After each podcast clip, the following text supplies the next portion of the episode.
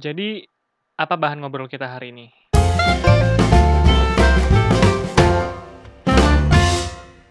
Halo semuanya, balik lagi di podcast Bahan Ngobrol episode ketiga. Setelah terakhir kali rilis tanggal 4 November Gak kerasa sekarang udah ada di penghujung November. Udah beberapa minggu terlalui dengan kegiatan-kegiatan yang cukup padat Dan itu penyebab uh, aku sama Fatir gak sempet merekam obrolan kita gitu ya Karena memang lagi harus menyelesaikan yang harus diselesaikan gitu. Di tengah-tengah kesibukan itu banyak hal juga nih yang terjadi gitu kan. Banyak perasaan-perasaan yang campur aduk gitu. Karena memang ketika kita melewati sesuatu gitu ya atau kita lagi mengerjakan sesuatu tuh kita nggak bisa milih nih perasaan apa yang uh, apa namanya bisa kita rasain gitu. Nggak bisa senang doang pun nggak bisa sedih doang gitu. Jadi pasti campur aduk gitu ya. Kalau kalian gimana? Gitu juga nggak?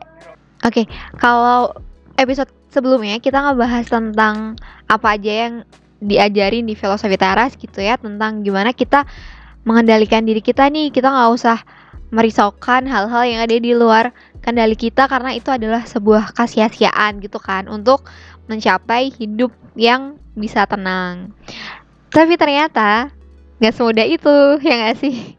Kayak mungkin kita ngerti nih konsepnya, kita udah tahu nih konsepnya tentang konsep mengendalikan diri itu harusnya kayak gimana gitu. Tapi pada saat itu terjadi di diri kita gitu atau kita lagi ada di momen yang nggak mengenakan kadang tuh ternyata diri nggak bisa semudah itu untuk diajak kompromi gitu kan. Nah kita pengen ngebahas soal itu sih gitu. Di saat udah ada nih konsep tentang mengendalikan diri tapi ternyata di realita nggak semudah itu gitu.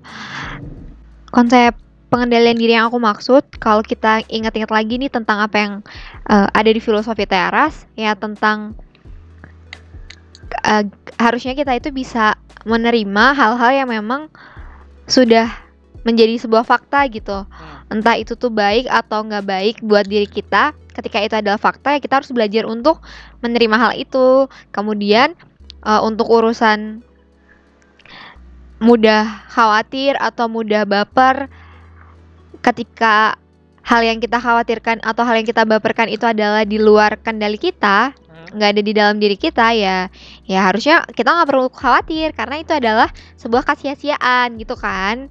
Cuman ternyata kenyataannya tuh tidak semudah itu gitu. Nah kalau itu kan konsep pengendalian diri yang ada di filosofi teras nih. Kalau dari kamu sendiri nih Tir kamu punya konsep pengendalian diri nggak? Hmm, ntar ya, ngunyah aku dulu.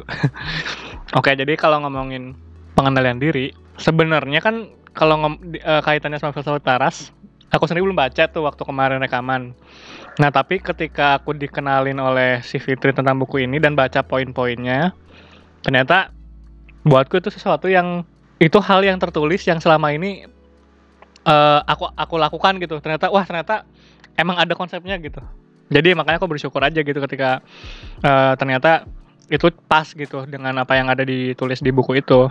Jadi sebenarnya ketika kita tadi Fitri mencontohkan pengendalian diri itu sebagai bagaimana kita harus apa sih kamu tadi bilangnya? Bagaimana kita um, menerima segala menerima fakta sebagai fakta terus kemudian tidak memikirkan. tidak memikirkan opini orang lain itu betul tapi barangkali ada yang lebih mendasar dari itu gitu di mana ketika kita ngomongin tentang pengendalian diri kita berarti juga ngomongin tentang uh, manajemen diri sendiri juga. Artinya termasuk di situ manajemen persepsi gitu. Nah, menurutku manajemen persepsi ini adalah hal yang lebih mendasar dari apa yang sudah disebutkan Fitri makanya dan sayangnya kemarin di, di episode 2 nggak begitu banyak kebahas ya bagaimana tentang manajemen persepsi ini karena dari persepsi itulah kita bisa menghasilkan tindakan kita tuh dari situ gitu jadi kayak sesuatu terjadi ke kita kemudian bagaimana respon uh, sikap kita kemudian gimana kita tadi meng mempersepsikan kejadian itu tuh gimana itu yang akan menentukan apa yang terjadi selanjutnya. Kayak sebenarnya udah dibahas sedikit ketika di episode 2 di mana em, tahapannya adalah apa sih namanya Eh, aksi ya? Aksi kemudian interpretasi kemudian reaksi. Jadi sesuatu terjadi ke kita kemudian bagaimana kita mempersepsikan itu dan bagaimana kemudian kita bereaksi atas itu. Dan juga apa namanya sudah disampaikan juga oleh Stephen Covey di buku apa Seven Habits of Highly Effective People bahwa yang pertama yang harus dilakukan untuk menjadi orang yang manusia yang efektif itu adalah jadi orang yang proaktif di mana orang yang proaktif itu fokus terhadap apa yang dia kuasai atau yang bi- bisa dia kendalikan. Jadi kalau misalkan ada sesuatu yang terjadi sama kita, orang proaktif cenderung mengolah dulu apa yang terjadi dengan kita, sedangkan orang reaktif cenderung langsung bereaksi atas apa yang terjadi. Nah, itu yang biasanya kemudian membuat kita jadi gampang marah, jadi gampang cemas dan seterusnya. Padahal ada pilihan untuk kita meluangkan sedikit waktu untuk memikirkan dulu apa yang sebenarnya kita sedang alami kayak gitu. Nah, yang kedua, ketika kita ngomongin manajemen diri, sesungguhnya kita juga sedang berbicara tentang leadership menurutku. Nah, aku kalau misalkan ditanya tentang leadership, aku selalu punya pandangan bahwa leadership ini seharusnya tidak selalu dikaitkan dengan apa-apa yang sifatnya eh, jabatan, kayak misalkan memimpin sebuah organisasi atau apa. Tapi kita harus ingat juga bahwa memimpin itu adalah tentang memimpin, memimpin diri kita sendiri untuk kehidupan kita sendiri kayak gitu. Jadi bahkan aku punya semacam usulan gitu harusnya leadership atau pe- kepemimpinan ini nggak usah dibilang kepemimpinan gitu tapi ya sebut ya sebut aja kayak kehidupan gitu teori tentang kehidupan. Karena memang kalau misalnya kita ngomongin leadership orang-orang ngerasa ya ini hanya untuk mereka yang benar-benar akan memimpin. Padahal kan memimpin bukan hanya soal memimpin sebuah organisasi atau sebuah tim tapi juga bagaimana kita memimpin diri sendiri. Nah mengapa penting kita berbicara atau menyadari bahwa kita ini sedang memimpin diri kita sendiri? Karena itu tadi kita sering kali ketika berhadapan dengan sesuatu yang terjadi sama kita kita lupa bahwa kita tuh punya kemampuan untuk mengontrol diri sendiri gitu. Minimal kita tidak kemudian menyerah terhadap kondisi yang ada kayak gitu. Misalkan ya yang paling sederhana dan beberapa kali aku contohkan ke teman-teman adalah ketika misalkan kamu SMP atau SMA mau daftar ke sekolah kamu SMP dulu apa? Maaf. SMP satu kalasan. Oke. Terus mau masuk SMA mana dulu? SMA 9 Jogja. Enggak, dulu mau masuknya SMA mana? SMA 9. Oh iya. Terus keterima di situ. Iya. Ya udah berarti contohnya bukan yang itu ya. Contohnya aku gitu ya, misalkan dulu aku dari SD sampai kuliah bahkan itu nggak pernah bisa masuk ke tempat favorit. Maksudnya tempat yang pilihan utama. Iya, memang menyedihkan ya. Nah, tetapi normalnya kan ketika kita tidak diterima kan sedih gitu ya, sedih. Dan aku pun memang merasakan kayak gitu. Jadi dari SD sampai kuliah nggak pernah masuk ke pilihan pertama. SMP sw- swasta, SMA juga swasta. Kuliah pun sama. Itu masuknya ke pilihan kedua. Artinya ya begitu aku masuk ke ke kampus ini pun sebenarnya aku nggak begitu antusias, biasa aja gitu kayak Oh, iya. ya udahlah alhamdulillah gitu. Iya biasa aja karena dulu aku pengennya masuk ke tempat yang lain yang menurutku itu lebih lebih Dekat utama. Iya karena dekat rumah karena bagus juga. Waktu itu aku sama sekali nggak nggak punya semangat yang wah gitu untuk bisa kuliah di sini. Nah yang pengen aku sampaikan adalah coba kita ingat lagi di posisi-posisi seperti itu di mana kita datang ke sebuah tempat dengan semangat yang seadanya dan saat itu ada orang lain yang ada di tempat yang sama dengan kita tetapi dia datang dengan semangat yang lebih hebat daripada kita.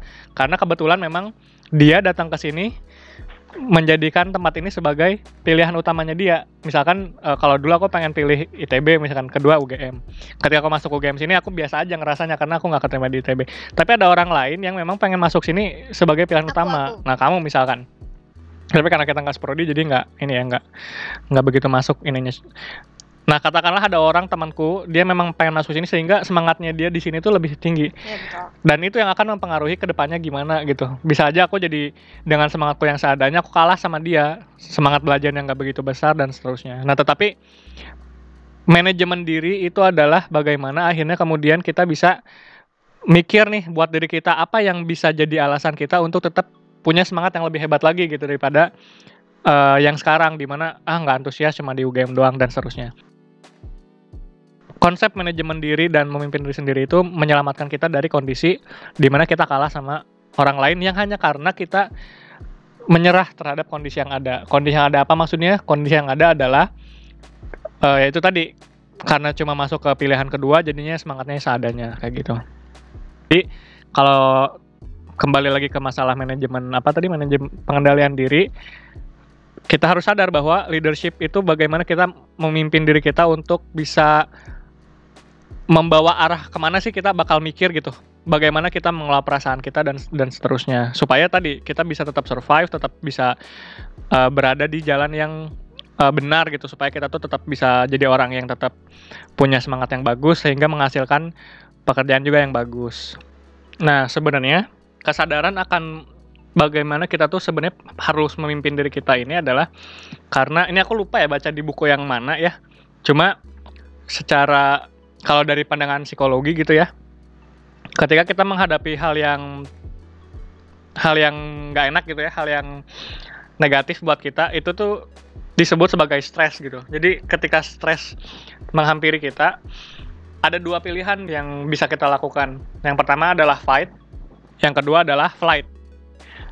Jadi kalau ada stres menghampiri kita, kita bisa fight, bisa menghadapin atau ya atau flight, kita kabur gitu. Nah, leadership yang aku maksud tadi adalah sebisa mungkin kita menjadi uh, pemimpin buat diri kita sendiri untuk tetap mengarahkan diri kita menjadi orang yang fight tadi gitu. Tetap apa namanya tetap tetap menghadapi gitu karena dari situ kita bisa jadi orang yang proaktif yang dibilang Stephen Covey itu bahwa ketika kita menghadapi stres, menghadapi apa namanya rangsangan kejadian yang kita hadapi, dihadapinya juga dengan berpikir gitu, sehingga kita jadi orang yang proaktif tadi. Kita tidak menjadi orang reaktif dengan langsung bereaksi atas apa yang terjadi sama diri kita, atau kita juga nggak flight gitu ya, nggak langsung kabur kayak gitu. Kembali lagi ke ini ya ke pengendalian diri. Nah sekali lagi pengendalian diri itu akan membuat kita jadi memimpin diri kita supaya tidak menyerah terhadap kondisi yang ada. Supaya kita tidak mudah bereaksi atas apa yang terjadi sama diri kita gitu. Jadi betul bahwa filosofi teras mengajarkan kita harus fokus terhadap apa yang di, bawah kendali kita, kemudian um, menerima fakta yang ada dan seterusnya. Nah, tetapi juga kita perlu dan barangkali ini juga bagian dari filosofi teras adalah kita harus mengambil kontrol, mengendalik apa ya, mengambil kontrol atas diri kita sendiri supaya kita bisa memanage persepsi kita. Nah, menurutku memanage persepsi itu adalah hal yang cukup mendasar ya. Karena tadi dari persepsi kita kemudian akan menentukan perasaan apa yang akan timbul. Nah, kalau kata temanku yang dia anak psikologi juga bahwa nah yang seperti itu tuh namanya adalah coping style gitu. Jadi intinya sih dari setiap orang tuh sebaiknya punya cara untuk mengatasi diri sendiri gitu. Maksudnya mengatasi adalah mengatasi diri sendiri ketika berhadapan dengan situasi yang tidak enak. Nah, gimana seseorang bisa mengatasi diri sendiri ketika berhadapan dengan sebuah permasalahan? Nah, itu ditentukan oleh bagaimana kebiasaan dia ketika dia berhadapan dengan masalah. Apakah dia mampu untuk memimpin dirinya sendiri untuk memanage persepsinya sebelum kemudian bagaimana dirinya um, bereaksi atas apa yang dia alami tersebut kayak gitu. Cuma kadang gini gak sih Tir, um, hal yang menghambat diri kita untuk bisa akhirnya mengendalikan diri tuh um, misalnya overthinking gitu. Hmm. Itu tuh kayak aku nggak tahu sih kalau teman-teman dan kamu gimana gitu. Apakah kalian kamu termasuk orang yang suka berpikir secara berlebihan gitu ya soal overthinking terhadap suatu hal yang akhirnya nggak jarang tuh malah nimbulin rasa takut, rasa khawatir, rasa nggak enak gitu. Yang sebenarnya itu tuh cuman ada di pikiran doang gitu. Nah, kalau aku pribadi, kalau misalnya tadi berbicara tentang orang yang reaktif dan proaktif gitu ya. Uh, mungkin aku uh, baru ada di posisi transisi gitu loh dari dulu orang yang sangat cepat bereaksi gitu ya, sangat reaktif gitu. Terus sadar nih bahwa menjadi orang yang sangat reaktif adalah hal yang kurang enak gitu, kurang enak buat diriku pun buat orang-orang di sekitarku gitu kan. Akhirnya mencoba belajar buat proaktif tapi nggak segampang itu gitu. Dan itu tuh yang menjadi penghalang gitu ya salah satunya tuh adalah uh, overthinking gitu. Kalau dari pandanganmu nih, sebenarnya overthinking itu wajar nggak sih? Sesuatu itu benar-benar tergantung individu sih menurutku. Misalkan aku punya kesulitan sendiri dan kamu punya kesulitan sendiri. Jadi ketika misalkan overthinking adalah suatu kesulitan buat kamu, buat aku bisa jadi enggak. Tapi bisa jadi untuk hal lain aku sulit nih untuk misalkan merasa percaya diri atau merasa apa, tapi buat kamu gampang.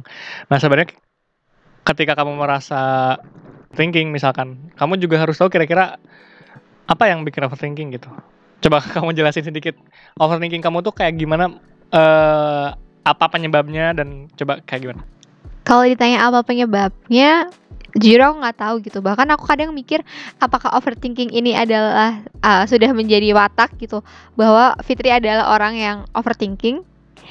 Jadi tuh bukan kayak bukan karena sesuatu gitu aku jadi overthinking tapi kayak naturalnya diriku adalah mudah kayak semuanya tuh dipikirin gitu loh. Jadi ketika misalnya tadi di konsep uh, untuk menjadi orang yang proaktif tuh setelah mendapatkan suatu kejadian gitu ya coba kan di tahan diri dulu uh, dirinya ditahan dulu tuh buat berpikir. berpikir gitu kan ya berpikir sejenak gitu nah kalau di aku bukannya berpikir sejenak malah berpikirnya kepanjangan gitu iya, ngerti gak sih iya. Dan ya itu cukup sulit sih. Nah tapi kalau yang aku lihat ya berpikirnya overthinking itu bukan berpikir untuk jadi proaktif. Tapi kan gini orang proaktif itu berpikir ketika ada uh, reaksi eh ketika ada apa aksi. Kemudian dia mikir kemudian nanti dia menentukan reaksinya apa. Tapi kayaknya orang overthinking itu nggak ada angin nggak ada apa pasti ada pemikiran si di benaknya tuh ada pikiran. Ya, nah, sebenarnya aku di kesempatan ini kita bisa uh, membandingkan nih bagaimana persepsi orang yang overthinking terhadap overthinking sama persepsi orang yang tidak sering overthinking terhadap overthinking itu sendiri kalau menurut aku sebagai orang yang tidak begitu sering overthinking, overthinking itu adalah sebuah pikiran yang sebenarnya terlalu jauh untuk dipikirkan karena hal-hal yang dipikirkan itu sebenarnya masih tadi masih jauh dan seharusnya kita dalam mem memikirkan sesuatu dan mempertimbangkan sesuatu itu tuh cukup untuk memikirkan hal-hal yang dekat saja gitu. Bukan dekat sih artinya de, uh, mungkin untuk terjadi dan realistis, lebih realistis. Sehingga alasan untuk tidak overthinking adalah dengan menyisihkan atau memangkas hal-hal yang memang itu udah kepantau jauh, udah terlalu jauh. Gitu. Kalau menurutmu sebagai orang yang ini apa apa yang kira-kira bikin kamu untuk tetap ada pemikiran itu? Atau kamu nanggepin tadi kan menurutku gitu kan overthinking. Kalau menurutmu kelirunya di mana? Kalau menurutku nggak ada kelirunya karena memang harusnya seperti itu gitu. Oh, cuma cukup yang nggak bisa aja gitu. Iya belum bisa belum, bukan enggak ya belum. Semoga. iya jadi aku sepenuhnya setuju gitu sama yang kau bilang gitu. Bahwa ketika kita memikirkan sesuatu tapi terlalu kejauhan gitu dalam artian waktu gitu ya. Misal kita aku mengkhawatirkan sesuatu yang itu tuh masih di depan sana gitu. Akhirnya nggak jarang juga aku jadi malah luput gitu loh kayak malah nggak sempet nih memikirkan yang harusnya sekarang aku lakukan gitu. Hmm. jadi memang ya nggak benar overthinking tuh menurutku ya. Tapi itu tetap terjadi gitu. Itu tetap itu tetap terjadi. Tapi kadang aku ke uh, apa ya suka mikir juga kalau orang overthinking itu ada baiknya gitu loh. Mereka itu atau aku gitu ya uh, jatuhnya lebih lebih terencana mungkin. Nggak tahu ini sebuah pembenaran atau enggak gitu ya. Tapi kadang karena dulu tuh aku sering banget dengar kata-kata ini kalimat ini gagal merencanakan eh gagal dalam berencana itu tuh sama dengan kita merencanakan kegagalan. Ya nggak sih? Dengar ya, pernah nggak ya, dulu ya. itu kayaknya dulu jaman-jaman aku SMP SMA lah. Dan kayaknya aku sangat terdoktrin dengan dengan kalimat itu gitu. Jadi tuh kayak seringnya ketika aku sebenarnya itu ada sebenarnya itu adalah overthinking tapi itu kayak aku menganggap itu sebuah uh, apa ya rencana gitu loh sebuah perencanaan gitu. Itu kenapa aku masuk PWKN juga ding ya sebenarnya gagal dalam merencanakan artinya merencanakan kegagalan itu iya. Tapi itu thinking namanya bukan overthinking. Kalau udah ada kata over berarti ya kelebihan. Karena kalau misalkan kamu merencanakan sesuatu yang berlebih maksudnya kamu nggak mungkin dong merencanakan sesuatu tapi bahan perencanaan itu berlebihan. Yang mana itu adalah overthinking ya? Hmm, mungkin. Tapi kamu tahap uh, maksudnya paham kan poinku di mana itu tadi loh kayak uh, saking khawatirnya kita kalau misalnya mempersiapkan sesuatu dengan tidak matang, dengan tidak apa namanya tidak maksimal gitu lah ya, itu tuh uh, kegagalan tuh akan bisa diantisipasi gitu kan. Uh, iya nggak maksudnya kalau kita tidak merencanakan dengan baik kayak di depan tuh kegagalan tuh lebih banyak peluangnya gitu loh. Yang mana sebenarnya ya kita nggak tahu juga ya. Iya aku paham. Maksudnya tapi kalau udah ngomongin overthinking kan itu sesuatu yang berlebihan. Artinya kamu mikirkan sesuatu yang berlebihan gitu loh. Yeah. jadi yang mana ujungnya oh, ya ujung-ujungnya kamu jadi cemas jadi malah nggak sempat untuk berpikir. Jadinya alih-alih kamu menghindari kegagalan dengan merencanakan kamu malah larut dalam kecemasan segala macam. Nah jadi merencanakan untuk menghindari kegagalan itu menurutku itu proses dari berpikir gitu. Bukan karena overthinking. Kalau overthinking menghasilkan perencanaan untuk menghindari kegagalan ya semua orang harusnya overthinking gitu. Tapi kan kenyataannya overthinking itu sesuatu yang berlebihan. Artinya malah menghasilkan kita untuk jadi larut dalam kekhawatiran gitu. Berarti kalau menurut kamu overthinking itu emang sesuatu yang harusnya dihindari ya? Iya, karena itu over. karena segala sesuatu yang berlebihan tuh nggak baik gitu ya? Iya. Ya oke. Okay. Dan ya sebenarnya aku sepakat juga sih karena aku sebagai orang yang mengakui kalau sering kali overthinking tuh itu tuh hal yang kadang berat juga gitu loh. Justru malah membebani gitu. Jadi ya ya memang begitu. Nah, mungkin kalau ketika ngomongin tentang overthinking berarti kita harus punya cara buat mengatasi itu kan? Seperti yang kamu udah sampaikan di awal gitu tentang gimana kita uh, membuat diri kita gitu walaupun kita punya kondisi yang gak enak gitu katakanlah overthinking itu ya. Gimana kita menemukan nih cara untuk bisa mengatasi itu? Dan aku paham sekali bahwa butuh banyak proses gitu loh untuk uh, untuk menemukan cara itu. Cuman kan yang jadi sulitnya gimana tuh cara menemukan cara itu gitu kan. Gimana kita punya coping style sendiri nih untuk mengatasi masalah-masalah yang kita hadapi. Kalau buat aku yang emang masih kayaknya masih harus lebih berani lagi gitu untuk apa ya ya kayaknya tuh kayak ngebawa diri supaya yakin bahwa kita itu lebih lebih lebih hebat gitu loh dari masalah-masalah yang kita hadapi kita tuh bisa ngalahin itu gitu dan sebisa mungkin kayak kita harus ngedorong diri kita supaya nggak terjebak di situasi-situasi yang justru ngebuat kita makin larut dalam kesedihan, larut dalam kekhawatiran, larut dalam overthinking gitu. Ya bener. Nah makanya tadi yang aku bilang sebenarnya um, coping style itu berawal dari bagaimana kita membiasakan diri untuk memimpin diri kita, mengendalikan diri kita, mengendalikan persepsi kita. Hah? Mengenali. Apa mengenali? Diri. Kita tuh ah, ya boleh lah mengenali. Tapi maksudku titik poin utamanya setelah mengenali diri sendiri, mengendali diri sendiri gitu ya. Untuk tadi bisa uh, sampai akhirnya dapat coping style. Dan si coping style itu salah satu bentuknya adalah misalkan kita menghadirkan rasa percaya diri untuk tadi kata kamu merasa lebih hebat daripada masalah yang kita hadapi. Contoh nih misalkan. Contoh kamu mau magang nih di sebuah tempat. Terus kamu khawatir nih, kamu kayak cemas gitu bisa nggak ya, aku bisa nggak ya ngelihat teman-teman di sekitarnya minder gitu mereka kayaknya hebat sedangkan aku nih kayak pas-pasan gitu kemampuannya betul kamu pernah ngalamin kayak gitu? Pernah dong. Nah sebenarnya si coping style itu dan cara mengendalikan diri kita sendiri itu akan minimal tuh menuntun kita untuk merasa percaya diri bahwa aku tuh bisa gitu. Dengan modal keberanian dan kemudian kita kesadaran kita bahwa mereka teman-teman kita hebat terus tantangan di depan akan berat itu justru itu yang bikin kita terdorong untuk mengasah diri kita untuk jadi benar-benar bisa untuk apa ya memecahkan masalah-masalah yang ada di dalamnya gitu misalkan. Dan pada akhirnya pun seperti yang kita sudah lewati lewat ya, seperti yang sudah kita lewati sebelum-sebelumnya segala kekhawatiran kita begitu itu sudah terjadi toh itu juga udah terjadi gitu. Artinya begitu itu udah terjadi kan nggak seburuk itu. Kadang kita tuh overthinking sama sesuatu yang belum terjadi padahal ketika itu udah terjadi itu ya ternyata nggak juga. bisa kok gitu ngelewatin. Nah sebenarnya yang bisa kita apa namanya hack gitu nge-hack diri kita dengan mengendalikan diri kita tuh adalah dengan kita percaya dulu aja percaya bahwa diri kita tuh bisa kok melewati itu. Kita tuh cukup hebat kok untuk melewati itu dan eh, aku juga menerapkan itu dan ternyata ya benar setelah dilewati ternyata bisa juga kok gitu.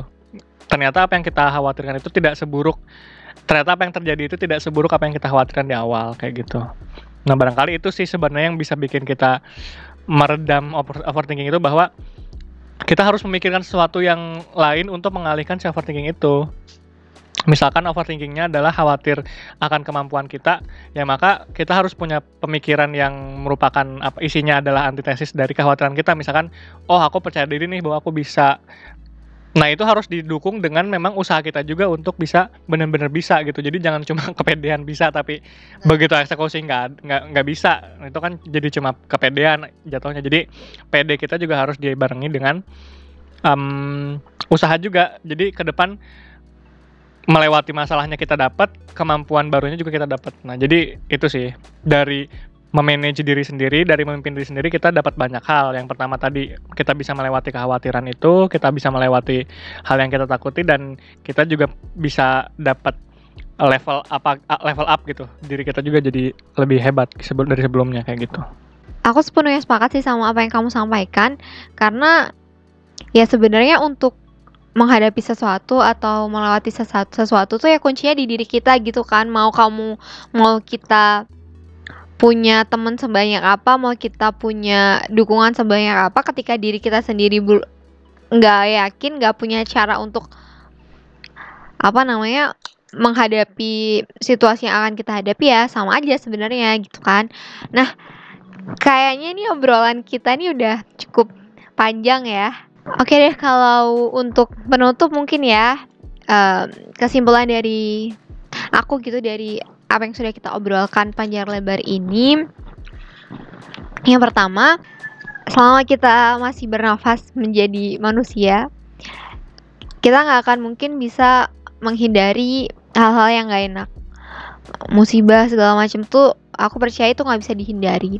Yang bisa adalah bagaimana kita mempersiapkan diri bagaimana kita membentengi diri untuk menghadapi hal-hal yang gak enak itu yang kita bahkan nggak tahu kan eh, datang ke kitanya tuh kapan gitu.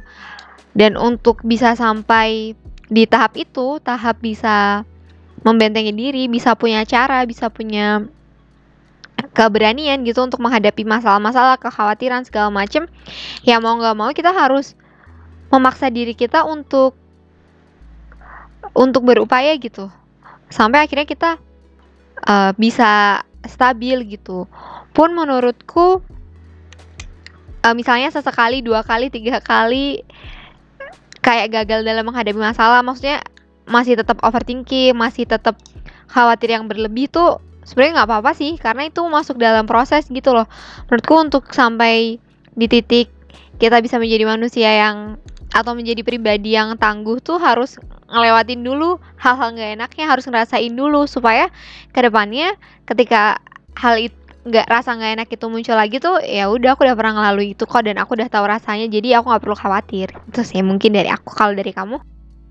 Kalau dari aku sih intinya seperti yang udah dis- disebutin di episode 2 juga bahwa ada quote ya bahwa bahagia itu ada dalam diri kita sendiri, kemudian pun kesedihan, kekecewaan, eh kekecewaan, kecemasan juga ada dalam diri kita sendiri karena kalau mengutip dari lagunya Payung Teduh, judulnya apa di atas meja kalau nggak salah ya, bahwa kita tuh nggak perlu takut terhadap lara gitu, karena semua rasa itu bisa kita cipta gitu. Jadi ya itu memang benar-benar dari dalam diri kita sendiri gitu dan kita harus sadar bahwa kita punya pilihan untuk bisa memimpin diri kita sendiri.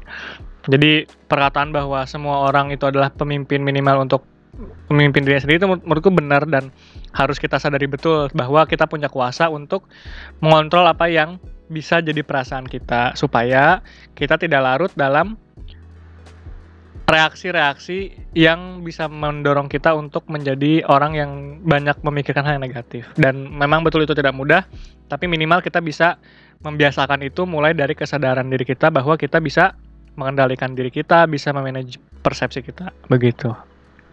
Nah, makasih banyak untuk teman-teman yang masih setia nih jadi teman ngobrol kita. Episode 3. Walaupun baru sampai episode 3 ya. Semoga ke depannya masih ada episode episode selanjutnya dan teman-teman masih tetap jadi teman ngobrol kita. Eh, kalau gitu sampai jumpa di bahan ngobrol selanjutnya. Karena semua berawal dari bahan ngobrol.